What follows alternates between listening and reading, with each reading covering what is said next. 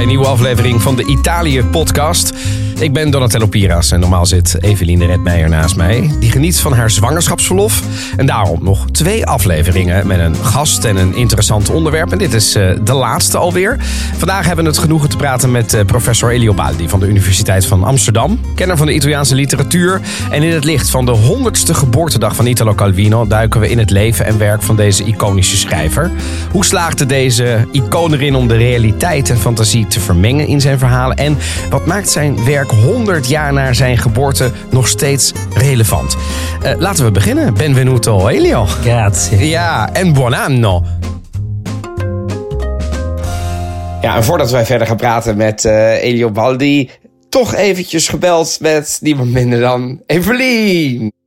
En Daniel. En Daniel. Jij, jij ziet ons nu zitten. Ja. Dus eventjes, uh, nou ja, spannend of hij het, uh, of hij het houdt. Maar ja, want ik, dit is de laatste keer dat ik op afstand ja. een beetje de, de, de jonge moeder, of nou ja, jong, maar in ieder geval de moeder mag uithangen. Ja. Volgende week zitten wij weer in de studio samen. Ja, en dat je zeg maar, uh, dat lijkt me ook vreemd, nul controle hebt over wat er wordt uitgezonden. Dat je dan iedere keer in die podcast hebt, maar bij Gods gratie hoopt dat het niet, dat het niet iets vreselijks is.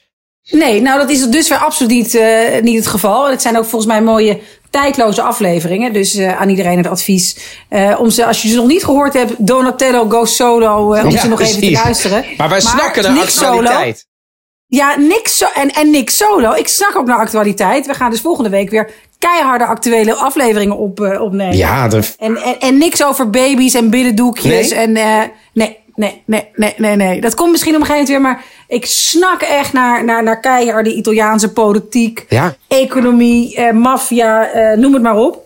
Uh, en ik heb dus voor maandag, ik heb het helemaal geregeld. Wij nemen dan maandag op en ja. we gaan daarna samen eten om nieuwe plannen te maken. Ja. Dus ik kijk er ongelooflijk naar uit. Ja, en ik denk, ik kijk er ook naar uit. De luisteraar kijkt er naar uit. Iedereen kijkt er naar uit. Dus het gaat helemaal, ja. uh, helemaal, helemaal goed komen. Oké, okay, oké. Okay. En um, uh, over uh, politiek gesproken. We hebben natuurlijk, er valt natuurlijk genoeg te bespreken volgende ja. week. Kunnen we nog niet alles over zeggen, want ja, dan zou het geen actuele meer zijn. Maar de combinatie tussen politiek, gossip, sport en alles kan wel weer van stal worden gehaald. Ik krijg over steeds meer ook berichten in onze mailbox over hè, dat culinaire vonden ze ook wel leuk. Dan ja. worden ja. ze zelf aangespoord om dat zelf ook te maken. Om te koken. Vind ik heel, vind ik ja. echt, vind ik een beetje af voor de Italië-podcast luisteraar. Ja, ja, dus dat weten ja, ze allemaal Misschien goed. Misschien dus... ook wel een babygolf onze onze luisteraars. Dat ze alles over een baby horen opeens op het idee worden gebracht van... goh, misschien wil ik, wil ik ook een baby. Ja, dat zou zomaar kunnen. Nou ja, je weet het. Dat gaan we, ik, ik, ik ga luisteraars wel oproepen, mocht het zo zijn... dat ze dat dan ook eventjes laten weten. Ik, ik zeg niet dat wij dan gaan breien... maar we vinden nee. er wel iets passends op natuurlijk.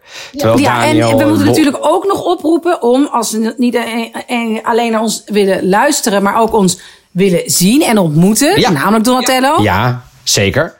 Eind februari hebben ze de kans in Den Haag. Ja, zeker. En uh, ik heb gelukkig gehoord van een paar uh, mensen die toevallig ook bij de Julius Caesar podcast waren. Uh, dat ja. ze elkaar te hadden voor Haags College. Want daar heb ik ja. het natuurlijk over.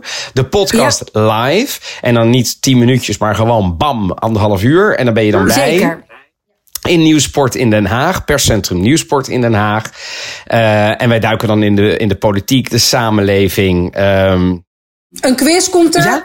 Ja, dus het is ook een stukje uh, interactief uh, naar de Italië podcast luisteraar toe. Als het goed is, zijn we nog mee bezig. Ook een muzikale omlijsting. Ja? Uh, dus dit alles op 26 februari, op maandag in Den Haag. Ik hoop dat het in ieder geval bommetje vol is en uitverkocht is. En ik zoveel mogelijk... Ja, precies. En daarom zie. zeg ik Haags, www.haags op zijn uh, oud-Haags, dus met SCH, haagscollege.nl. En dan kun je daar even aanklikken dat je naar de Italië podcast live wil. Want dan moet je wel kaarten verkopen. Uh, dan spek je overigens ons niet mee. Uh, dus mocht je denken dat, dat wij, dat het de kaarten zijn voor ons. Nee, het is de Haags College is echt een instituut. Um, maar je moet wel kaarten komen, anders kom je niet binnen. Nee, nee, nee, nee. Nou, ik wens jou dus nog even uh, heel veel plezier met jouw laatste solo optreden. Ja, ik ga mijn best doen. Uh, ik ben er volgende week weer. Yes. Uh, yes. Maak het zo gek als je zelf wil. En nou ja, ik zie, jou, ik zie jou volgende week. En dit is de laatste keer, niet, het is niet de laatste keer dat je Daniel nee, ziet, maar wel we in deze setting zitten. dat jij mij met een baby. Ah, ja, ja, het zal wel leeg zijn de volgende week. Maar ik vind het ook wel een mooi beeld. Moet je nou kijken. Nou, ja. ciao Daniel, ciao Evelien. Ciao Don en ik eh, zie jou eh, volgende week in de podcaststudio. Alla prossima, ciao ciao. Ciao ciao. ciao. ciao.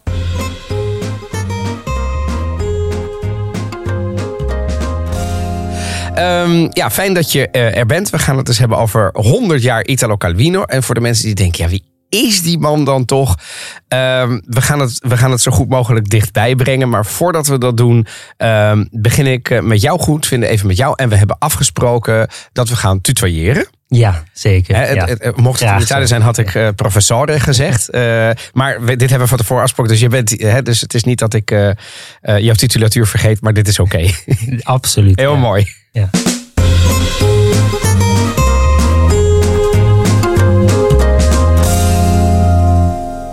Ja, zoals ik al zei, eh, expert op het gebied van de Italiaanse literatuur aan de Universiteit van Amsterdam. eh UvA-docent van het jaar in 2019 ook nog. Ja. Ehm, kun jij iets vertellen over jouw persoonlijke connectie met Italië? Kijk, je naam verraadt natuurlijk al iets. Ja. ja, dat klopt. Ik, ik ben half Italiaans. Eh, Ja. Mijn, mijn vader is Italiaans, maar ik ben geboren en getogen in, eh, in Nederland. Hens de goede Nederlandse Ja, accent ja, en uitspraak. precies. Hè? Dus dat, ja. Ja, hoewel ik toch door die naam wel eens hoor van... oh, de- je hebt toch wel een grappig Italiaans accent. Oh, echt? dus, dus de perceptie is... ja, ja, ja, soms, precies. eh, Dan worden mensen denk ik wel een beetje, eh, nou ja, verdaasd door de, door de, door de naam. Want ja, ja, jij precies. hebt natuurlijk geen accent. Nee, nee, dat hoop ik- geen Italiaans accent. Dat zou ik niet denken. Nee, nee, nee. Nee, maar dat is, eh, en dat is ook wel een beetje de relatie die ik tot, met Italië heb, is omdat ik geboren en getogen ben in Nederland, heb ik mezelf altijd voornamelijk als Nederlander eh, gezien en ervaren. Maar je merkt toch wel dat je omgeving, omdat ik er net wat anders uitzie, net wat kleiner ben eh, dan, dan de meeste Er zijn wat. Italiaanse... Er zijn wat Italiaanse eigenschappen, en de naam is natuurlijk Ja, anders. ja. Dus dan word je vaak eh, geconfronteerd door anderen met ja, dat je toch wel eh, ja, ook wel Italiaans bent. En eh, dat, eh, ja, dat gaat van eh, op de middelbare school, eh, of op de basisschool weet ik nog heel goed dat er een, eh, een lange meid was die mij bijna iedere dag vroeg waarom ik zo klein was. Oh, wauw. Ja, En, eh, en op de Rome-reis op de middelbare school werd ik zo naar voren geduwd. Eh, jij bent de Italiaan, jij gaat ons gidsen. dus dan, dan, Ja, word- ja. dan ben je ook vanzelf meer bezig met hoe anderen jou ervaren. En, en op een gegeven moment heb je maar je werk ervan gemaakt. ja, ja, precies. Ja, en het, het- uiteindelijk vind ik het vooral een verrijking. Maar het is, het- ja, je, je merkt ook wel dat, dat er dus een soort verschil zit tussen hoe je jezelf ervaart en hoe anderen eh, soms eh, jou, Ja. jou zien. En dat is heel interessant om als kind. Ja, Eh, ja en niet altijd, niet altijd interessant alleen maar. Het is soms, Soms is het ook- bloedirritant. Soms is het ook zeker irritant. ja, ja. Maar daar leer je dan uiteindelijk wel mee leven. Uiteindelijk, je bent eh, docent, professor aan, de, aan Italië-studies. Ja. Voor de mensen die dat niet kennen, want er zijn natuurlijk, eh, wij weten inmiddels, Evelien en ik, er zijn luisteraars ook. We hebben zelfs een, uit een aflevering gemaakt bij de collega's in Utrecht, waar ook studenten van de Amsterdamse studie waren. Maar voor de mensen die niet weten, Italië-studies, waar, wat, wat, wat leer je dan? Wat, wat is het voor studie? Ja, ehm, bij, eh, bij de UvA eh, concentreren we ons vooral op het moderne Italië. Dus dan, eh, dan hebben we het modern bedoelen we dan het Italië vanaf het moment dat het Italië is. Als land. Dat als land. Eh, daar- 1861. ja, Ja. precies. En, daar, en, en, en alles daarna. En alles daarna, ja. Dus wij kijken veel naar eh, wat gebeurt er in de Italiaanse politiek. eh, wat, hoe is Italië nou het land geworden dat het eh, de hele dagen is. Eh, de, natuurlijk de erfenis van fascisme, georganiseerde misdaad. Eh, boom economico, terrorisme. Ja. eh, maar Allemaal ook, dankbare eh, podcastonderwerpen ook geweest. Dus Zeker, ik- ja, ja, ja. Maar ook, dat, dat zijn wat schaduwkanten uiteraard. Maar ook natuurlijk onderwerpen als toerisme behandelen we. eh, eten, eetcultuur, eh, eh, voetbal eh, komt, eh, komt voorbij. Dus, dus eigenlijk alles wat Italië tot, wat mij betreft, een van de boeiendste landen eh, Ja. Maakt. eh, en ook vaak een voorloper in het, in het goede en in het slechte eigenlijk. Dus Ja. wat, wat je in Italië ziet gebeuren, zie je vaak ook elders. Ja. eh, Maar dat realiseren weinig mensen zich inderdaad. Maar dat zie je bijvoorbeeld op politiek gebied heel vaak. Er is Ja. Alleen al een figuur als Berlusconi. Maar ook de Absoluut, Vijfsterrenbeweging. Ook, Ja. hè, bedoel, de- de- en daarna kwamen er, eh, zeg maar, kregen we Trump en kregen we Ja. populisme. Kregen we, ja, dus dat is herkenbaar. Maar ehm, eh, eh, is het, eh, wat ik me er herinner in, toen wij in Utrecht waren, is die, eh, het was een, een, een eh, een, een, een, een mooie studie. Hij was nog niet zo heel populair dat zeg maar, de numerus fixus moest worden ingesteld. Nee, dat, dat klopt. Ja. Ja. En hoe is het in Amsterdam? In Amsterdam, het, het wisselt wel, eh, wel per jaar. Ehm, we zijn met het nieuwe programma begonnen met een ongeveer 20 eerstejaars. Eh meestal zijn het er tussen de 10 en de 15. Ja, precies. Dus het is nog een kleine, relatief kleine studie. Ja, en dat is ook de, wel de kracht van, van de studie, denk Snap ik. ik, Eh, ja. ja. Geen massaliteit. Maar eh, is het, het is voltijdstudie of kan het ook in, in deeltijd worden gedaan? Eh, dat kan ook in deeltijd. Dus als ja. er nu luisteraars zijn die zeggen... ja, ik, ik, eigenlijk werk ik al en zo... maar ik ben enorm verknocht aan het land. Ik zou ooit nog een studie willen doen. Dus dat is een mogelijkheid. Dat is zeker een mogelijkheid. Dat gebeurt Ja. regelmatig. Ja, Oké, ja. Nou, je bedoel, we zitten hier niet om, alleen om de studie te promoten... maar als we het er toch even over hebben dan. Ja. Eh, en vervolgens ehm, heb jij, eh, eh, eh, volgens mij als ik me niet vergis... eh masterscriptie, maar ook promotie gedaan op Italo Calvino... de figuur die we nu gaan bespreken. Klopt? Ja, ja, dat klopt. Hoe is zeker. jouw interesse voor deze schrijver ooit gewekt? Eh, ja, eh, ik heb, ik heb Italiaans gestudeerd, maar het grappige is dat het daar niet vandaan komt in eerste instantie. Het was een, eh, een goede vriend van mij die, eh, die een hele andere studie deed en die, die dit boek eh, in het Nederlands las. En die daarmee aankwam zetten en die zei, dat is, dat is echt, eh, dit boek bedoel ik dan Onzichtbare Steden, voor de Ah, duidelijkheid. ja. Ik heb het hier liggen, dus vandaar. Ja, ja, ja precies. boek. Ja, ja. Le città invisibili. Le Città Invisibili. En daar kwam hij mee aan en hij zei, dit is echt iets voor jou. Eh, en ik bewaarde het voor die zomer eh, dat ik naar Venetië zou gaan. Want Venetië is ook door het boek heen verweven. Ja. Eh, en ik las het daar en ik was meteen verkocht Ja? en verknocht. En, eh, En wat was het dat het jou, dat jou was dat zijn schrijfstijl? Was het... Ja, met name, met name de, de combinatie van de schrijfstijl en het oog voor details die ik, eh, ja, die je misschien niet op die manier zou kunnen verwoorden en daarmee ook niet. Ja. Hij is een bloemrijk schrijver. Hij, hij, hij, hij kan heel gedetailleerd iets beschrijven, maar op Zeer een bloemrijk, ja, maar op een bloemrijke manier. Hè? Ja. Want je hebt ook schrijvers die zo gedetailleerd zijn dat je je verliest in wat staat er nou. Ja. Maar bij hem gaat het daardoor leven. Ja, ja want hij, hij, hij zocht altijd naar een combinatie van precisie en ook wel bond, de juiste bondigheid. Maar eh, ook inderdaad, eh, gebruikt die, hij gebruikt woorden die niet per se eh, alledaags zijn. en daar, daar krijgt het die bloemrijke kwaliteit van. oké. Eh, Dat zijn die woorden die normaal niet in ons vocabulaire zouden zitten als we gewoon een gesprek zouden voeren. inderdaad. maar ja. hij gebruikt ze wel en verrijkt daardoor Ja, de wereld, zeg maar. Ja, ik moet, ik moet wel eens denken aan eh, Bruno Gans in Pane Tulipani in die film. Die, Oh, die alleen maar, die, wiens Italiaans voortkomt uit het lezen van Ariosto. En dat soort. Als je met Calvino Italiaans leert, dan, eh, dan heb je niet de meest, het meest alledaagse Italiaans te pakken. Dan maar wel op de- allerlei mooie. Dan heb je het lastig op de voetbaltribune. Zeker, ja. Lijkt mij. ja. Nou goed, we gaan, we gaan het hebben eh, over eh, Calvino. Italo Calvino nasce a Cuba nel 1923 da una coppia di scienziati. Il padre è un agronomo di fama mondiale, mentre la madre è una biologa. La famiglia rientra in Italia nel 1925 e si stabilisce a Sanremo. Nel 1941 Calvino si iscrive alla facoltà di agraria a Torino, ma dopo l'8 settembre del 1943, per evitare l'arruolamento nella Repubblica di Salò, entra a far parte della Resistenza.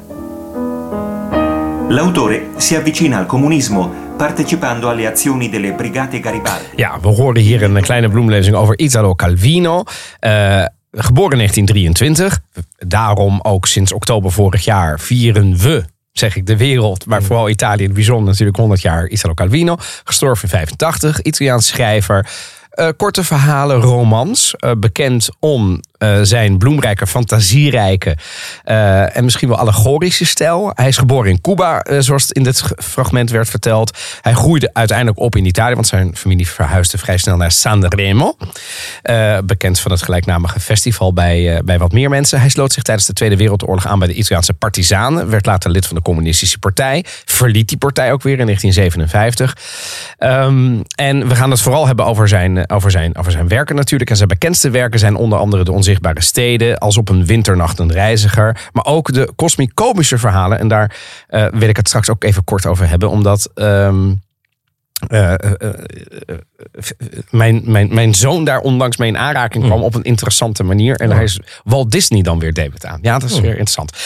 Ja, wie was Italo Calvino naast zijn schrijverschap? Hoe, hoe, hoe, wa- wat was het voor persoon, deze man? Ja, het, een, een curieus persoon zou ik, ik, ik. Misschien moet ik beginnen met te zeggen dat hij. Hij, hij was een cosmopoliet. Um, in de zin van. Hij, heeft, hij is in. Uh, buiten Italië geboren. Daarom heet Ja. hij ook Italo. Uh, anders zou het een, Ja, hè? een beetje een erg nationalistische Ja. naam zijn misschien. Maar hij is op Cuba geboren inderdaad. Zoals. En daarna gaan ze terug naar Sanremo. En daarna leeft hij nog in Turijn en Rome. Maar ook in Parijs en New York. En hij heeft een uh, Argentijnse vrouw. En uh, met wie hij dan uh, met de dochter in Parijs woont. Dus dan hebben ze drie talen. Spreken ze dan in, in huis. Spaans, Frans en Italiaans. Dus dat is wel kenmerkend voor Calvino. En hij is, hij is behalve schrijven is hij ook journalist en werkt hij bij een uitgever. Dus hij vervult allemaal verschillende rollen. Maar wat misschien wel belangrijk is, is dat het een, het is een moeilijk spreker, Calvino. Hij, is, hij staat bekend als een stamelaar, een stotteraar, als iemand die moeilijk uh, te interviewen is. En als iemand die ook liever schrijft dan praat. En daar is, Want hij kan zich beter uitdrukken uh, als, in, in schrift ja. dan in, in gesproken woord. Hij, hij, was, ja? hij, hij vond het gesproken woord, uh, dan kon hij zich niet uh, goed genoeg corrigeren en niet de juiste perfectie oh, bereiken. En, en daarom, daarom was hij lastig te interviewen, omdat hij dat allemaal maar ingewikkeld vond. En deze leuke anekdote dat hij, dat hij in Sevilla. Um, dat hij in Sevilla is. Ik krijg je heel, heel kort ontmerk. Je mag iets meer distantie. Want anders ja. wordt het. Ja, dus, ja, precies. Als jij gewoon zo blijft zitten, is goed. Ja. We gaan terug naar Sevilla. ja. Uh, hij is in Sevilla met zijn vrouw in 1984 en daar uh, ontmoeten ze Borges in de oh. hal uh, van een hotel. Uh, ze kenden elkaar wel. ze, ze hadden ook ja, veel waardering voor elkaar en elkaars werk. Oké. Okay. En uh, Chichita, uh, Calvino's vrouw, die, die sprak uh, een half uur lang over van alles en nog wat met Borges. En Borges was, tegen die tijd was hij blind, dus hij, hij zag niet. En Chichita zegt op een gegeven moment, Borges, Italo is hier ook, Calvino is hier ook. Waarop Borges antwoordde, ik had hem herkend aan de stilte. Oh, wauw. Oh, echt? Dus uh, om, om, om te kenschetsen. Ja, die, uh, ja. ja. ja want, want dat weten we natuurlijk uh, niet. Kun, kun jij uitleggen, Elio, waarom is deze schrijver zo belangrijk? Want dat is het uiteindelijk wel. Je gaat niet zomaar, niet iedere schrijver krijgt een jaar waarin zijn geboorte wordt herdacht. En vervolgens gaan we, gaan we, gaan we, gaan we het vieren met festivals en lezingen en, en, en alles. En worden werk opnieuw uitgebracht. Wat, is zijn wat, wat, wat betekent hij voor de Italiaanse literatuur? Is hij belangrijk? Hij is heel belangrijk, ja. Hij is, als je het zou vergelijken even met een Nederlandse schrijver, die wij op de middelbare school hebben gehad. Ik bedoel, wat voor. Hebben we het dan over de grote drie? Is dat, ja. kun je het al zeggen? Ja, dat ja? is, dat is denk ik denk dat, dat je. Je zou een vergelijkbare grote drie kunnen schetsen, misschien in, uh, in Italië met Pasolini, Calvino en Umberto Eco. Wow. Uh, dat, ja. dat zijn wel de, de, ja, de drie okay. belangrijkste van de tweede helft van de, van de 20e eeuw. Ja, dus zoals het in Nederland met Mulisch en Reven, het, dat, dat, dat kaliber schrijver. Ja, absoluut. Dus iedereen die uh, Liceo Classico heeft gedaan, die zal ongetwijfeld iets van Italo Calvino hebben ja, moeten lezen. Zeker, ja. Moeten, onvermijdelijk. En, en, en, op zijn Italiaans waarschijnlijk ook memoriseren. Ja, ja, en daarom heeft niet iedereen een, uh, heeft, hebben sommigen een wat conflictueuze houding met, uh, of relatie met Calvino, omdat alles wat je op school moet doen. Ja. Dat is, maar hij is wel toegankelijker. Ook bepaalde werken zijn ook goed te lezen voor, uh, ja. voor kinderen. Ten opzichte ja. van, uh, van misschien Pasolini en Eco is toch wat lastiger. Ja, ja, ja, zin, ja, om, ja.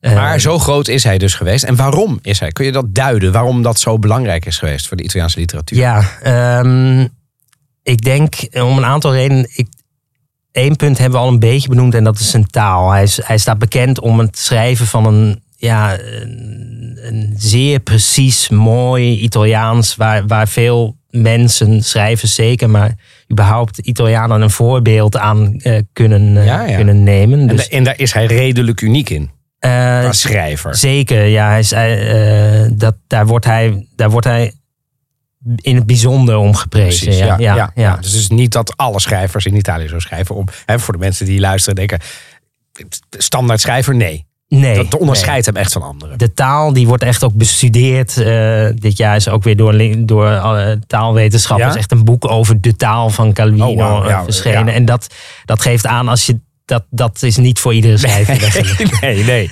Ehm, Nee. nee, dus hij heeft ook echt invloed gehad wat dat betreft met zijn werk op de Italiaanse taal en op de manier waarop we, laten we zeggen, die, die taal soms bestuderen. En, absoluut, ja, hij wordt heel veel geciteerd ook. Dat Kijk, is, daar kun je ook genoeg. wat uit ja, opmaken. Ja, ja, daar kun je, ja, ja. En- doorgaans wel. En, dan- nog meer? Ja, daarnaast eh, staat hij bekend om een grote rijkwijde van zijn schrijven. Dus hij is heel breed geïnteresseerd. eh, ook in wetenschap, verschillende takken van wetenschap. Hij is ook zoon van twee wetenschappers, eh agronoom en botanici. Ehm, en dat, dat zie je ook in zijn werk terug. Hij heeft, heel, hij heeft een eh, hang naar kennis. En die, eh, die werkt hij ook zo gedetailleerd mogelijk eh, uit. En daarom zijn zijn boeken niet altijd makkelijk eh, te lezen. Je Ik wilde dit zeggen, maakt dat zijn boeken toegankelijk of juist minder toegankelijk voor soms, iedereen? som- soms is dat eh, aspect minder toegankelijk, omdat het dus ehm, aansluit bij eh, bijvoorbeeld eh, de wetenschappelijke ontdekkingen van dat moment. Ja, precies. De kosmicomische verhalen is Ja. daar een voorbeeld Ja. van. Ja, En daar pro- hij probeert wel de wetenschap dichterbij te brengen door er een verhaal van te maken. ja. Maar hij gebruikt wel veel van de technische termen die uit die wetenschap ook komen. Ja. Dus het is altijd een. Dat, dat wilde hij graag delen. Ja, het is niet. Het is niet. Het is wel de poging om het dichterbij te brengen, maar zonder het te veel te versimpelen. Dus het is altijd een balans. Ja, ja, ja, het lijkt me ook Ja. heel lastig hoor. Want ik bedoel, ja, kritiek leveren op een schrijver die schrijft is altijd makkelijker dan ga er maar aan staan. Eh, maar ik, ik, ik moet even denken aan hoe je dit uitlegt aan, aan, aan Harry Mulisch in Nederland. Mm. een van mijn favoriete schrijvers. Mm. Vroeger, maar nu nog steeds. En, ehm, eh, de, de, de Mulisch was wel, die, die kon wel voor ongevallen boekenkast spelen. Dat je op een gegeven moment een hoofdstuk las en dat je dacht, wauw. Ja. Je wil wel, hè, nu, als je daar even met iets distantie naar kijkt en dan kun je Ja. van smullen. Ja. Dat maakte het ook niet altijd even toegankelijk. Ja. Laat ik eerlijk zijn dat ik af en toe ook pagina's dubbel heb moeten lezen. Om te zeggen, wat staat hier nou eigenlijk? Is dat bij, eh, bij Calvino ook zo? Ehm, het, ik zou zeggen dat het vrij Italiaans is eh, als Om dat eigen- te doen. om dat te doen. dus in die zin, zeker vanuit Nederlands perspectief, Ja. denk ik wel. Oké. Ehm, als je het bijvoorbeeld weer vergelijkt met Umberto Eco, of an- dan denk ik niet dat. eh, ik, ik denk dat het erger kan dan, dan Calvino. Ja, oké, precies. Maar vanuit Nederlands perspectief, hè? Vanuit Nederlands perspectief. Als je als Nederlandse eh, eh, luisteraar met een passie voor Italië denkt, ik, ik waag me eraan. Ja. Dan kun je wel eens overvallen worden door de manier waarop hij beschrijft. En daardoor kan het af en toe zelfs ontoegankelijk worden. Maar als je je erin verdiept, kan het je ook verrijken. Ja. Dat is wat ik je hoor zeggen. Ja, zeker. En dat heeft ook misschien te maken met, het, met dat Italianen eh, ja, meer. eh, die, die Italiaanse taal is, is eh, hoe zou ik dat zeggen? Heeft meer ehm, gemak met abstractie. Dus er wordt. wordt wij, wij zoeken eerder naar concreetheid Ja. in onze taal. Ja. De Italiaan is toch wat eh, abstracter in de manier van praten en om, omschrijven. En- Minder concreet. ja, en, Ja. en dat merk je ook als je, als je Calvino vertaalt. Als je soms letterlijk zijn zinnen zou vertalen, dan klinkt het in het Nederlands ongelooflijk. ehm, Kro- Taalkronkels krijg je ja, dan. ja, ja. Ja, waar je niet. Nee, dus je moet, je moet de geest vertalen en niet de letter. soms, soms, Soms. zeker. Ja, Ja, dat lijkt me ja. ook ongelooflijk moeilijk over staan vertalers. dus eh, eh, ik weet dat er ook wat vertalers luisteren. Dat vind ik. Hè, dus wat, wat shout-out naar, naar hun werk. Want dat is echt, echt een vakwerk. Omdat ik word ook wel eens gevraagd van hey Donatello, hè, want je bent nou eenmaal Italiaans, dus wil je dit vertalen? En dat doe ik wel eens. En eens in, de- in het jaar vertaal ik ook graag eh, een, een, een, een, een, voor, een, voor een camping waar ik vroeger heb gewerkt, het in het Nederlands. Maar en dat is nog net te doen. Maar als je dit zou moeten doen, ja, dat, is, dat, zou- dat zou ik niet kunnen. Dat, en dan moet je denk ik ook niet willen, want het is echt het vakwerk. Want hoe vertaal je nou sommige zinnen? Ja, dat is gewoon niet te doen. Je hebt zelf gebrek aan je eigen vocabulaire. Laat Ja. staan dat je dat kunt toevoegen aan iemand anders. Ja. Ehm, eh, heeft zijn achtergrond zijn werk beïnvloed? Ja, dus. Zeker. Eh, hoewel hij, hij noemde zichzelf het zwarte schaap van de familie, omdat hij uiteindelijk kiest voor eh, de literaire kant en niet de wetenschappelijke Wetenschap. Oh, eh, ja. kant. Is het hem dat ook nagedragen dan? Nou, zijn ouders waren er in eerste instantie niet blij mee dat hij. Hij, hij moest in eerste instantie iets anders studeren. Maar toen kwam de oorlog ertussendoor. Oh, ja. En toen werd hij toch wat ouder en volwassener. En toen, ja, eh, op een gegeven moment kiest hij toch eh, echt zelf met zijn hart. En dan gaat hij wel literatuur doen. Dus dat is, ja, dat is wel, dat ligt wel gevoelig thuis, inderdaad. Wel. Ja. En, en, en dat heeft hem dus beïnvloed. Ja. Hij heeft eh, zich aangesloten bij de partizanen, bij de Ja. eh, communisten. Het, eh, even in een links-rechts schema's politiek ben je links. Eh, dat is hij denk ik zijn hele... Bedoel, hij heeft de communistische partij wel verlaten... maar hij is niet ineens naar het andere kamp overgelopen, toch? Hij is altijd wel wat we dan links-elitair noemen. Zeker. Dat, dat, Zouden we dat zo kunnen beschrijven? Of, Ja. of doe ik hem dan tekort? Nee, nee, dat, dat, dat ben ik absoluut met je eens. Dat, eh, het, het ligt namelijk niet zo simpel eh, dat als je de. Hij verlaat de communistische partij met name vanwege de excessen die er op een gegeven moment eh, op het internationale toneel en wat er gaande is in de Sovjet-Unie ja. Eh, na Stalin. wandaden van het communistische regime, zeg maar, toen dat in volle glorie was. Precies, en ja. landje pik deed en dat soort dingen. Dat, Ja. dat vond hij waarschijnlijk minder. Ja, Ja, maar de, de, de ideeën aan zich. Nee, die laat, die laat hij niet. eh, hij, hij neemt wel meer afstand van, van directe politieke betrokkenheid in zijn Oh boeken. ja. Dan worden zijn boeken worden meer fantastisch, dus meer in de Oh ja. zin van eh, minder direct, Fictie. directe beschrijving van inderdaad fictie, veel meer fictie. ja. Hij dus zich daarin terug, denk je? eh, zo wordt het wel eh, veel gezien. En dat is, dat, daar had hij ook veel strijd mee met bijvoorbeeld Pasolini, die zich heel De enorm geëngageerde schrijver voor de mensen die die niet. Ja. Ik bedoel, dat, dat is, voor mij is dat het baken van, laten we zeggen, de linkse eh, Zeker. eh, in Italië.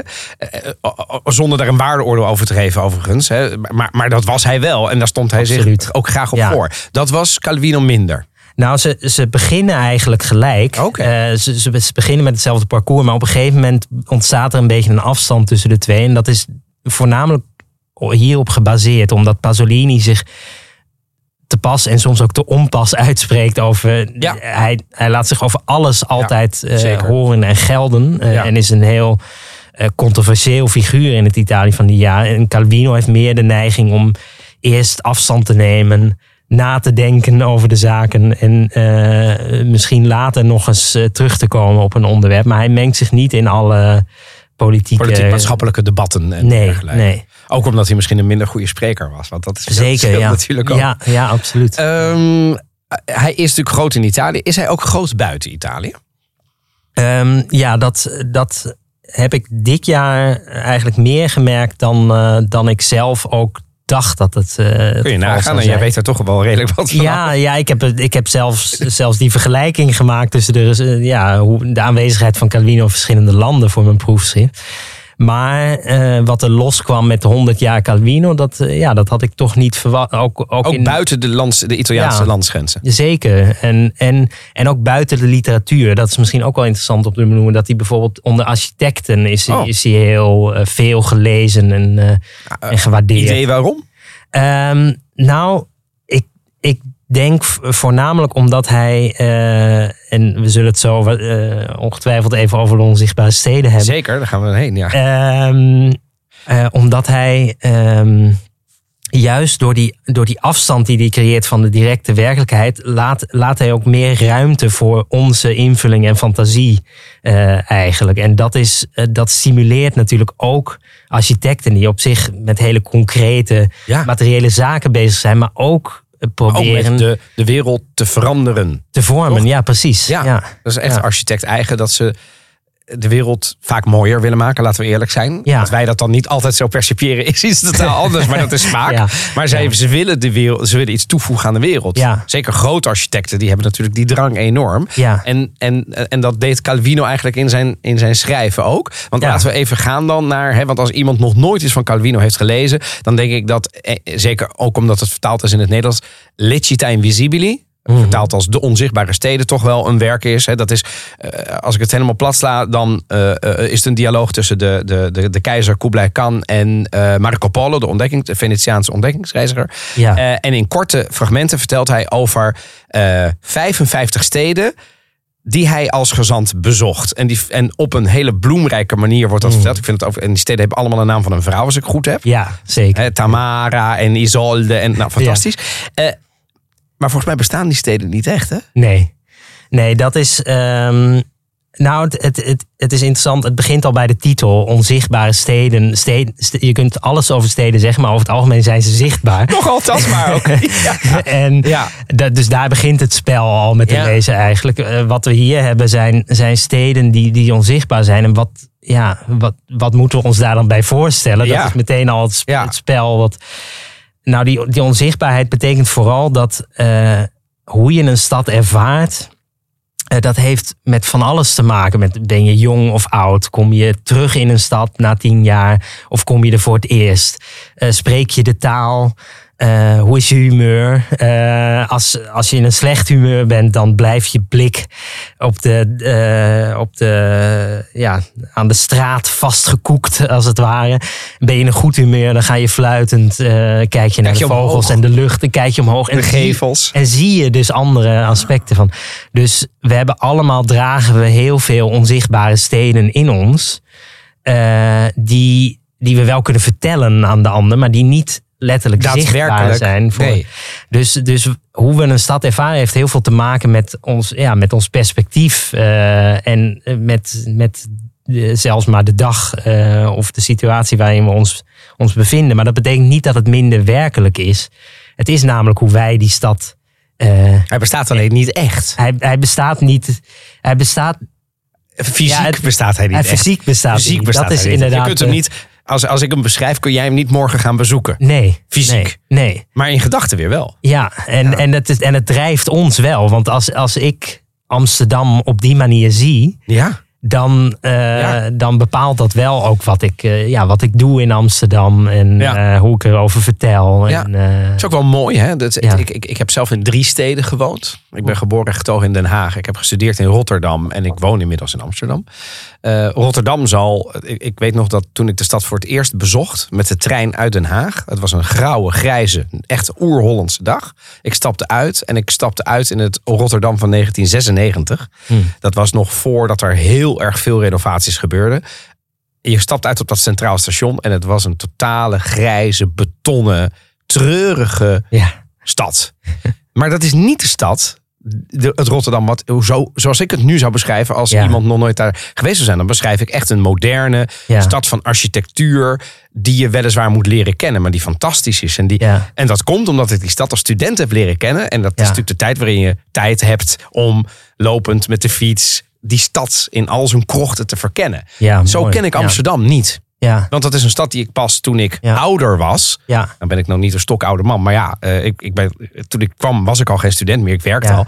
En dan ken je die stad anders. ja, ja dat, is, dat is exact de kern van, eh, van, van wat ik net. En, en daar komt nog bij dat, dat voordat je ook maar voet zet in een stad, weet je al van alles over die stad. Dus eh, als, als we het over Italiaanse steden hebben, de luisteraar van de Italië-podcast. Die gaat naar Italië met allerlei beelden al over, eh, over die stad. Dus al voordat je. Je, hebt al, je draagt al een onzichtbare stad in je. Al voordat je één voet in die stad. En dat heeft toch invloed als je bepaalde eh, kennis over die stad hebt. die je eh, met je meedraagt. Nu je het zo zegt, is dat dan goed of slecht? Ja, we we ontkomen er natuurlijk Nou. niet aan, omdat ja, je kunt moeilijk van mensen verwachten dat ze geen beeld bij Rome hebben. Nee. Dat is heel raar. Al zou je er nog nooit geweest zijn, heb je dat. Maar, maar, maar, maar beïnvloedt het te veel? Eh, wat denk jij, eh, het beeld van... Nou, de- ik, denk, ik denk dat het onvermijdelijk is. Dus ik denk niet dat het per se slecht is. Het kan wel. ehm, ja, je, eh, als ik het bijvoorbeeld over Amsterdam heb. Je hebt hier van allerlei eh, zaken de, de laatste jaren ontstaan. Waar, ja, wat ik dan TikTok-rijen eh, zich vormen. Ach, ja, ja. En dat is, dat is pu- puur op wat je dan. rijen van, eh, laten we zeggen, vooral jongeren die op sociale media een, ik noem maar wat, gebakraam populair maken. Waardoor Precies, er volgers van die influencer dan in die rij gaan staan. Ja. Om ook dat gebakje te gaan proberen. Ja, En dan ontstaat er wat dat heet een TikTok-rij. Ja. Echt een fenomeen van de afgelopen jaren. ja. En heel veel mensen vinden daar iets van. Ja, nou ja, dat is dus een heel concreet voorbeeld van hoe. Als je naar een stad gaat, dat je dat zoekt op basis van niet, niet op basis van de stad zelf, op basis van iets dat je ziet in de stad. Op basis van op basis sociale media, wat je verteld Ja. is. Ja. Ja. Is dit dan ook, Elio, een pleidooi eh, ook eh, voor bijvoorbeeld bezoekers een stad die je eigenlijk helemaal niet kent? Is, Dat- zou dat, is dat een louterende ervaring dan? Dat- kan dat ik- het zijn? Ik denk wel dat het. Ik, dat, het zou een typische Calvino-oefening zijn. Want dan, Ja? dan word je dus gedwongen om echt te kijken. Je weet niks. Eh, je weet niks. Nee. Eh, dus, dus, en, maar je gaat onherroepelijk toch allerlei vergelijkingen trekken. Zoals de reiziger dat doet. Van, eh, Oh ja. oh, dit doet me toch een beetje denken aan. Dus, Dit dus je gaat vanzelf het weer, Ja, je gaat het weer. ook weer in verband brengen. Maar toch dwingt het je eerst om, om in je op te nemen wat, eh, wat er eigenlijk is. Ja. Ja. Ik heb jou gevraagd om eh, een citaat voor te dragen. Ja. Ehm, in het Italiaans, maar ook in het Nederlands. Ja. Vandaar dat jij nu twee boeken voor je hebt. Ja. Ik heb jou gewoon huiswerk gegeven, heel oneerbiedig. Nee, maar omdat het mij. eh, eh, ik heb jou gevraagd: van, hè, wat, wat staat nou als citaatsymbool voor Italo Calvino? Ja. Ja, ik, ik, vind, ik moet er wel bij zeggen, ik vind het heel moeilijk, omdat het dus een heel veelzijdige schrijver is. Kan ik me alles bij voorstellen. Het is ook een Ehm, lastige vraag. Maar ik dacht, dan, dan, dan vertellen we de luisteraar ook iets. Ja. In plaats van dat we het er alleen maar over praten. Nee, ik vind het ook heel leuk. Ehm, en ik, ik, ik, kies een, ik kies het einde van Le Città Invisibili. Oké. Het slot van het, eh, van het boek. En ik denk dat het... Ik moest er een aantal dagen geleden nog aan denken... toen ik een column las van uh, Ilja Leonard Pfeiffer vanuit Genua. Eh, die nu tweewekelijkse, col- tweewekelijkse column schrijft in de Belgische krant eh, De Morgen... over de Italiaanse politieke situatie en dat vergelijkt met Nederland. En hij zei eigenlijk eh, ja, dat, we, dat het heel makkelijk is om je niet bewust te zijn van de veranderingen in je omgeving. Zoals in het Italië van nu, dat er toch wel voorzichtige stapjes naar een illiberale Italië gemaakt worden. Ehm, nou, daar, daar sluit dit citaat denk ik mooi, mooi bij aan. Het is de dialoog tussen Kaan en Polo eh, Ja. aan het eind van het Aan het einde van het boek, dat citaat. En we gaan nu naar het eerst naar het Nederlands of naar het Italiaans. Ehm, ik zou zeggen eerst het Italiaans. Ja, ja, ja, zeker. Ja, ja, ja. Ik heb nu het Italiaans Ja, ja, ja, zeker. Dus, Ja, ja, ja. dus Kaan eh, die zegt, dice... Tutto è inutile se l'ultimo approdo non può essere che la città infernale.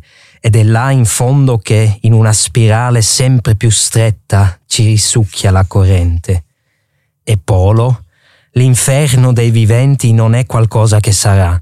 Se ce n'è uno, è quello che, ci- che è già qui, l'inferno che abitiamo tutti i giorni, che formiamo stando insieme. Due modi ci sono per non soffrirne. Il primo riesce facile a molti, accettare l'inferno e diventarne parte fino al punto di non vederlo più. Il secondo è rischioso ed esige attenzione appre- apprendimento continui, cercare e saper riconoscere chi e cosa in mezzo all'inferno non è inferno e farlo durare e dargli spazio. Wauw. En dan het Nederlands. Jammer dan aan deze. Kaan zegt: Alles is zinloos als de ultieme bestemming niet anders dan de helse stad kan zijn. En het is haar diepte waar in een steeds strakkere spiraal de stroom ons heen zuigt. Waarop Polo: De hel van de levenden is niet iets dat komen zal. Als er een bestaat, dan is het de hel die hier al is, die we elke dag bewonen, die we vormen met elkaar. Er zijn twee manieren om er niet onder te lijden. De eerste valt velen gemakkelijk de hel accepteren en er zozeer deel van worden dat je haar niet meer ziet. De tweede is riskant en vereist voortdurend aandacht en inzicht. Zoeken en leren herkennen wie en wat midden in de hel geen hel is. En dat tijd geven. Dat ruimte bieden. Ja, mooie, mooie vertaling ook overigens. Wat Dank. niet makkelijk eh, lijkt. Ja, eh, als ik het plat sla. Blijf zoeken naar het goede ook te midden van al het kwaad. Is dat de boodschap die Calvino helemaal aan het einde geeft? Ja, ja en dus tegen het defetisme ook en tegen ja, het... tegen het, tegen, eh, het, ehm, eh, het, het, het laissez-faire. Mhm. Niet alles accepteren, maar acteer als je ziet dat... Want het ene is makkelijk, zegt hij, maar het andere dat vereist dus van jou dat je in, in actie komt Ja, als en mens. Daar heb je dus ook invloed op, ook in je hele kleine kring. En Ja. wat, waarom ik het mooi vond, waarom ik het typerend vond misschien, is dat het dus aan het eind komt van een, wat je zei, Ja. een bloemrijk boek, Nou, een fantastisch boek ja. met ve- verre steden, exotische Ja. steden. Maar uiteindelijk Veel het- fantasie af en toe ook. veel fantasie. Maar uiteindelijk komt er toch ook een boodschap in voor. En Ja. ja, een, een lading die je zelfs politiek zou, zou kunnen noemen. En het boek komt ook steeds dichterbij. Dus het gaat steeds dichter naar de moderne steden, naar de metropool. Met alle, ja, met alle eh, problemen en aan, aan verlokkingen die, die, die de metropool met zich meebrengt. Eh, ja. Ehm, mijn zoon eh, Luca, die kijkt graag naar eh, een short story op Disney Plus, Hmm. geheten La Luna. Hmm. En als ik het helemaal in twee zinnen zou samenvatten, zou ik zeggen: het is een jongetje wat met zijn opa en zijn vader in op een bootje zit. Eh, dan varen ze in de nacht met alleen een lantaarn. Op een gegeven moment, gaat er een eh, ladder omhoog naar de maan.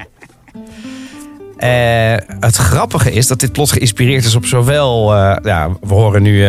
overigens wordt niet in gepraat. Alleen dit soort kreten zijn. Wat we, daar, eh, wat we ervan horen. Het, is, het duurt zes minuten. Dus voor iedereen die Disney Plus heeft, is het zeker de moeite waard om eh, even te kijken. En wat ik geleerd heb, is dat het plot geïnspireerd is op zowel Antoine de Saint-Exupéry van de Petit, eh, Petit, Petit Prince, de, de, de Kleine Prins, als mede Italo Calvino Ja. en het eerste verhaal uit de Cosmicomiche. ja, zeker. Ja. En die Cosmicomiche, dat heb je eigenlijk al verteld, Elio. Dat, dat zijn toch dingen die, ehm, ja, waar hij de wetenschap ook zeg maar beschouwt. Dit gaat over La Luna, over de maan. En nou ja, vanuit eh, Italo Calvino beschouwd was het volgens mij dat de maan, de afstand van de maan tot de aarde. En het grappige van dit kleine verhaal is dat zij dus met een ladder vader, zoon en, en kleinzoon die maan beklimmen om sterren op te rapen. En vervolgens, als ze terugkeren naar die boot, is de, de verschijningsvorm van de maan veranderd. Van volle maan in een sikkelvorm. En dan is het verhaal afgelopen. ja, En prachtig. je- het is Ja. echt prachtig. Het Ja. is echt, ik bedoel, als volwassene heb ik, ik denk dat ik het al 50 keer heb gezien inmiddels. Want bij hè, zes minuten doe je snel. Ja. Ehm, en pas later ontdekte ik dus dat het geïnspireerd is op twee nogal grote schrijvers. Waaronder Ja. dus Italo Calvino. Ja. En die Cosmic Comics zijn ook korte verhalen. Ja, ja dit, is, dit is inderdaad gebaseerd op La Distanza della Luna. Eh, prachtig, dat kan ik zeker aan, Ja? aanraden. Eh, zelfs als je de rest van de cosmicomische verhalen links laat liggen. Dan La Distanza della Luna, precies om wat je beschrijft. Het, het, is, het, het prikkelt de fantasie. Het, Ja. het, het, het vertrekt vanuit een, een wetenschappelijk idee. Maar maakt daar, maakt daar een fantastisch verhaal Ja. van. Inderdaad met, met een ladder naar de maan. Ehm, en het, eh, ja, het, is, het is heel poëtisch, eh, dat verhaal. Ja, het is, het, het- ik bedoel, Disney kan natuurlijk. Disney kunnen dingen heel mooi visueel maken. Laat dat Mhm. maar aan, de- aan, aan over. Maar, maar ergens moet er dus een oorsprong in het verhaal. En dat komt dus ook mede uit het brein van Italo Calvino. Met Ja. die Cosmic Comic. En daar Ja. zit de wetenschap veel meer als inspiratiebron in. Ja. Anders dan. Ehm, hij had ook een fascinatie voor het concept van onzichtbaarheid. Daar heb ik ook een kort fragment over. Io quando mi trovo in un ambiente in cui posso illudermi di essere invisibile, mi trovo bene. L'altra sera ero in metro e c'era un signore eh, a piedi nudi, senza scarpe e senza, senza calze. E non era un, un hippie o uno zingaro o un clochard, era un, un signore come, come- di mezza età, un tipo come, come me, te, con gli occhiali, eh, un tipo di professore, ecco, il solito professore distratto che eh, si è dimenticato di mettersi le calze e le scarpe. Era un giorno di pioggia e lui camminava con i suoi piedi nudi in mezzo alla folla e nessuno ci faceva caso, nessuno aveva l'aria incuriosita. Ecco, il sogno di essere invisibili. Ja, ik vond dit om meerdere redenen een fantastisch fragment. Ja. Eh, ten eerste omdat we even zijn stem horen, hè, want dat hadden we tot nu nog niet. Dit is Italo Calvino, die zich hier prima uitdrukt. Eh, ten tweede omdat hij dus het concept van onzichtbaarheid. Nou ja, aanbidt en, en uitlegt. Eh, En ten derde vond ik het grappig omdat ik het aan jou laat horen. Want in het voorbeeld, hè, voor de mensen die geen Italiaans verstaan. Hij verhaalt hier, hij zegt ja, ik zou graag onzichtbaar willen zijn. En dat concept, en vervolgens illustreert hij dat met een voorbeeld van. Ja, laatst, en ik weet niet of het echt is gebeurd of dat dit uit de fantasie is ontsproten. Maar hij vertelt het alsof het echt is gebeurd. Ik was laatst in de metro en toen vertelt hij van een man die met blootvoets daar was. Het was een regenachtige dag. Maar deze man, ja, dat was een man van middelbare leeftijd. Gewoon een beetje type eh, verstrooide professor. Vond ik grappig, Elio, dat jij hier nu zit. Eh, niet dat je verstrooid bent, maar hè, het verhaal over professor... alsof Ja. dat een soort archetype was. Ja. En, die, ehm, en, en, ja, en niemand eh, sloeg er eigenlijk achting op. En deze man liep dat bedoel ik nou met het concept van onzichtbaarheid. Toen dacht ik, oh, eh, is dit een pleidooi voor individualisme of zo? Maar Mm. anyway, dit, dit fragment heb je vast ooit gehoord. Ja, maar Eh, eh, lang geleden wel, ja. Ehm, de, de, wat had hij met die onzichtbaarheid? Want hij heeft het over onzichtbare steden. Ja. Hij, maar dit brengt hem veel verder.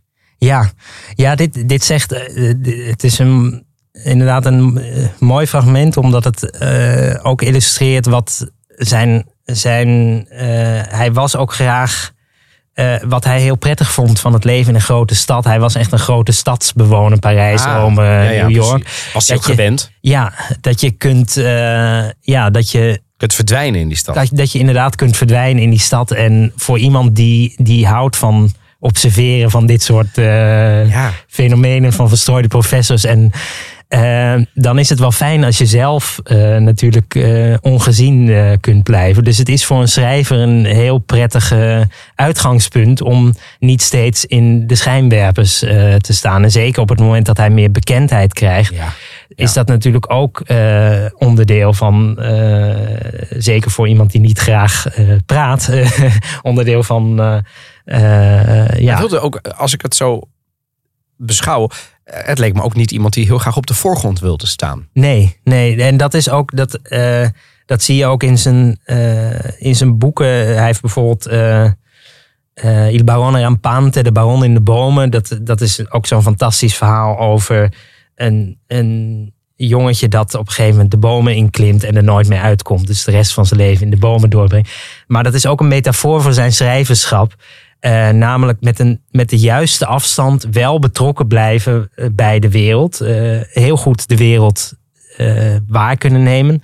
Maar zelf er niet te veel toe doen. En hij vond, die onzichtbaarheid zit ook misschien in de biografie. Hij vond dat hij vond eigenlijk dat de biografie van een schrijver er niet toe zou moeten doen. Dus we zouden de boeken moeten lezen zonder, Context van wie het. zonder te denken aan Ja. dit is Calvino met Ja. die en die. Maar dat eh, maakt het juist zo mooi. Ja, zeker. Ja. En, dus dat eh, is, dat is bij jou een dovermans oren natuurlijk, die ja, boodschap. ja. ja, absoluut. Ehm, maar het is, wel, het is wel een fenomeen wat we nu. eh, hij zou bijvoorbeeld Elena Ferrante in die zin interessant vinden. Het schrijven onder Ja, onder pseudoniem. En eh, daarmee het ja, toch grotendeels weghalen van die. eh, nou, niet de nieuwsgierigheid, want nieuwsgierigheid wordt alleen maar Ik groter. wil net zeggen, zeker in deze mediacratie, wat du moment Ja. dat wij morgen weten, ja, dan wordt, wordt hij of zij Ja. overal uitgenodigd. ja, ja. Dus d- dat maakt het alleen maar meer. Ja, en Ja. dat is ook dat is het interessante van die dynamiek van de onzichtbaarheid. Ja. Hoe meer je dat benadrukt, hoe meer ook juist onze, onze interesse daarin gewekt groeit. wordt. Ja, want dat is Eh, mens eigen. Hè? Ja, Als wij mee kunnen kijken achter de voordeur bij iemand, zouden we dat wel doen. ja, Eh, eh, zie al die voyeuristische programma's die wij natuurlijk bekijken. Al dan niet op lineaire televisie of terugkijken of via streamingdiensten. Maar dat ja, triggert onze.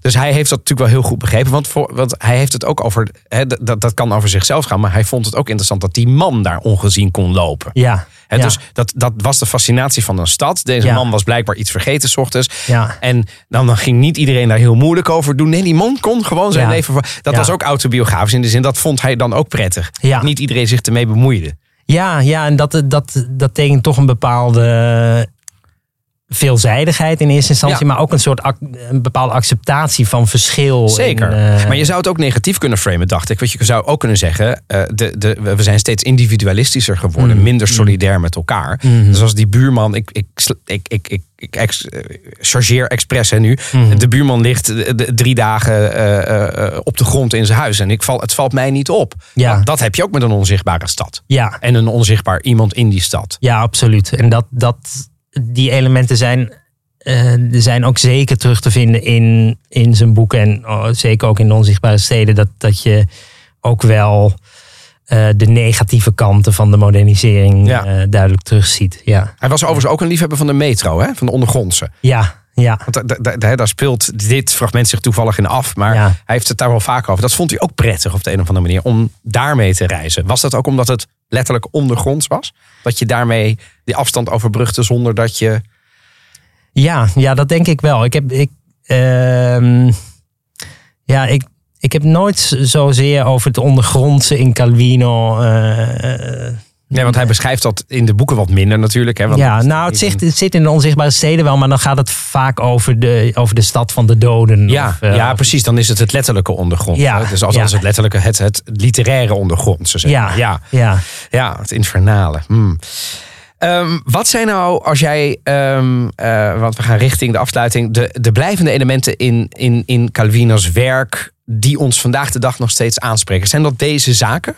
De, de, de, de, de concepten die hij ons voorschotelt? Ja, ehm, ik denk, ik denk eh, de taal, de, de fantasie, het, ook wel het plezier dat in de, dat in de boeken eh, zit. Hij, hij heeft een bepaalde, ondanks de, dat de boeken niet altijd makkelijk zijn, heeft hij, heeft hij wel een bepaalde leggerezza. Dat was een van de waarden. Ja, licht, speelsheid. licht, lichtheid, speelsheid? Ja, dus hij, eh, hij begrijpt heel goed dat je niet altijd over serieuze zaken heel zwaarwichtig Oh ja. eh, hoeft Dat is inderdaad wel fijn, want anders wordt het ook heel heftig om dat altijd maar tot je te nemen. Ja, dus, dus die, die gevarieerdheid en, en de precisie waarmee hij dat uitdrukt in taal, dat is een van de dingen. en gecombineerd met zijn, zijn enorme mm, interesse in allerlei verschillende eh, s- takken van wetenschap eh, en eh, van de maatschappij.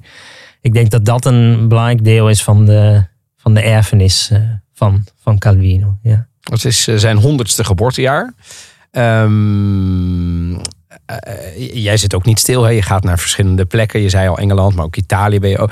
Ehm, als er luisteraars nou geïnteresseerd zijn. Wat zijn nou tips die jij zou kunnen geven om iets meer te weten te komen? Behalve dat je op bol.com eh, eh, de, de onzichtbare steden zou kunnen... eh, of de Cosmic Comic zou kunnen, kunnen bestellen. En Ja. al dan niet in het Italiaans of het Nederlands lezen. Ja. Ehm, nou, er gebeurt veel eh, in Italië eh, rondom zijn eh, werk de afgelopen maand. Eigenlijk sinds oktober voornamelijk, maar de komende maanden ook nog. Dus er zijn sowieso verschillende tentoonstellingen. Oh dat is misschien leuk. In, in Rome is een mooie tentoonstelling over Calvino aan de kunst voornamelijk. Ehm, in de Scuderia del Quirinale. En in, Ah. eh, in Genoa ook, eh, Ah. is ook een, eh, meer over de Calvino als, als sprookjesverteller. Oh ja, want dat was die ook. ja, Ja, ja, ja. Dus dat, is, dat, zijn, dat zijn denk ik twee concrete tips. ja, voor, voor, voor luisteraars die misschien naar Italië gaan de komende Ja, ja, maanden. zou- kunnen ze, ja, of er al zitten. Sommige- of er al ja, zitten, zeker. eh, die, eh, Die- die daar naartoe kunnen. die kunnen Ga daar zeker nog? naartoe. Ik, ik ben eh, net geweest. eh, de komende maanden ben ik vooral in andere, Andere eh, landen. andere, andere landen. Omdat het, eh, ja, eh, ja, de uitnodigingen komen ook uit plekken eh, waar ik niet per se eh, interesse in Calvino had eh, vermoed. Maar die, ja, Zoals? Eh, ik ben in, eh, onder andere geweest in, eh, in Stockholm, Oh. in, in Luxemburg, Oh, Dublin. Londen. Allemaal om te praten of om, om, om, bij, om, om over Calvino, zeg maar. Ja, En dat heeft dan ook weer met dat honderdste geboortejaar te maken. ja, Dat is de aanleiding geweest om toch... Ja, ja, ja. Ja. ja. en dan zie je dat dan ontstaat er toch heel veel reuring. zeker. Rondom Dat is, zo'n... Ja, misschien ook het herontdekken van zo'n schrijver. Ja, want ik, ik denk dan toch. Niet voor jou dan, maar... Ik denk dan toch, eh, om- als je je proefschrift aan, aan, eh, Ja. aan iemand wijt, dan, dan ben je wel bewust dat je in een kokon zit en in een tunnel leeft. En, eh, dat, ja, maar dat jouw aandacht valt dat dus wel mee. Maar dat valt, eh, dat valt wel mee, ja. Er, er is eh, veel meer eh, aandacht eh, voor deze schrijver. En, Oh. eh, en ook onder, onder hedendaagse Italiaanse schrijvers eh, leeft zijn, eh, zijn erfenis absoluut nog, eh, Nog voort. nog voort. Ja. Ik ga jou bedanken. ja, heel graag gedaan. voor de komst naar eh, de podcaststudio. Dankjewel. Elio Baldi, professor aan de Universiteit van Amsterdam. Ja, wil je nog meer afleveringen van de Italië podcast luisteren? Eh, dan vind je ons in je favoriete podcastplayer. Abonneer je direct, geef ons 5 sterren op Spotify of Apple Podcast. En wil je adverteren het komende jaar in de Italië podcast, dan help je ons en dat willen wij uiteraard heel graag. Stuur dan een mailtje naar adverteren@dagennachtmedia.nl. Bedankt en tot volgende week. En volgende week zit Evelien gewoon weer hier. Is het einde aan eh, de specials gedurende haar zwangerschapsverlof. Nou, we sluiten hem mooi af met Italo Calvino. Eh, dan is eh, Evelien weer terug uit Italië. Eh, en dan gaan we er weer voor. Alla prossima settimana. Bedankt voor het luisteren. Ciao, ciao.